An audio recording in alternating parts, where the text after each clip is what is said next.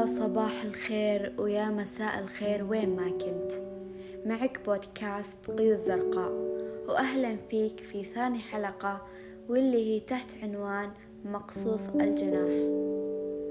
الخيبة قادرة إنها تهدم شخص كان متفائل ويحب الحياة. تهدم شخص كان يبتسم دائما وفجأة ما عاد له القوة يبتسم. ليش؟ لأن الخيبة حطمته كتبت نص عن الخيبة والذي يقول كانت أحلامي ملائكة تحلق عاليا بين الغيوم وتتراقص حول الشمس.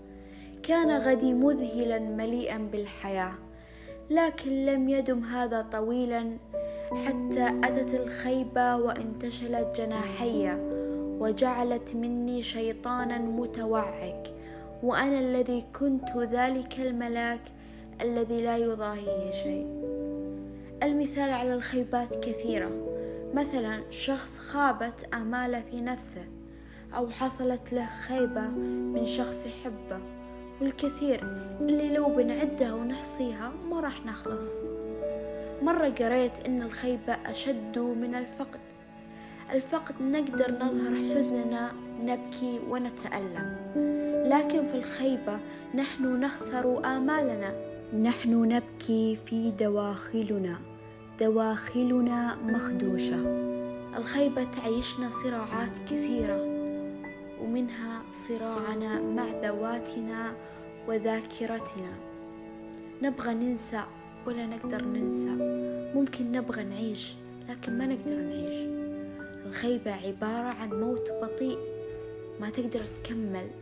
أو تتقبل أي حاجة أخرى خوفا من إنها ممكن تسبب لك خيبة في يوم ما.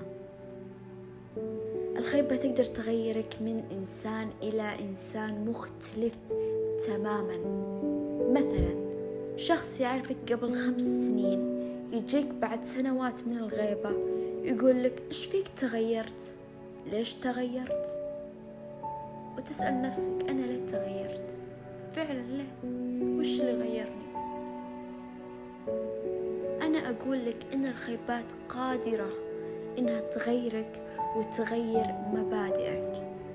تعلمك أشياء كنت تجهلها في الحياة والحياة ما عاد تصير في عينك وردية مثل ما كنت تشوفها. تصير في عينك رمادية لا في منطقة الوضوح ولا في منطقة الغموض. لكن في الوقت ذاته الخيبة تعلمنا كيف نصير أقوياء وكيف نواجه الحياة. هي تحطمنا صحيح لكن تخلينا أكثر وعي.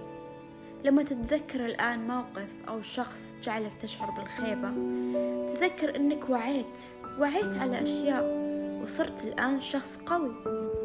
أكثر من شخصك القديم اللي كنت تعرفه واللي هي ذاتك القديمة. يقول الفيلسوف إيميل سيوران من بين كل ما يعذبنا لا شيء مثل الخيبة. يمنحنا الإحساس بأننا نلمس أخيرا ما هو حقيقي. الخيبة مؤلمة صحيح لكنها تظهر لنا الحقيقة حقيقة الحياة والأشخاص. وهذا الشيء يخلينا أشخاص أقوياء وأكثر وعي. انتهت حلقة اليوم. وشكرا لكل شخص قام بحضور الحلقة.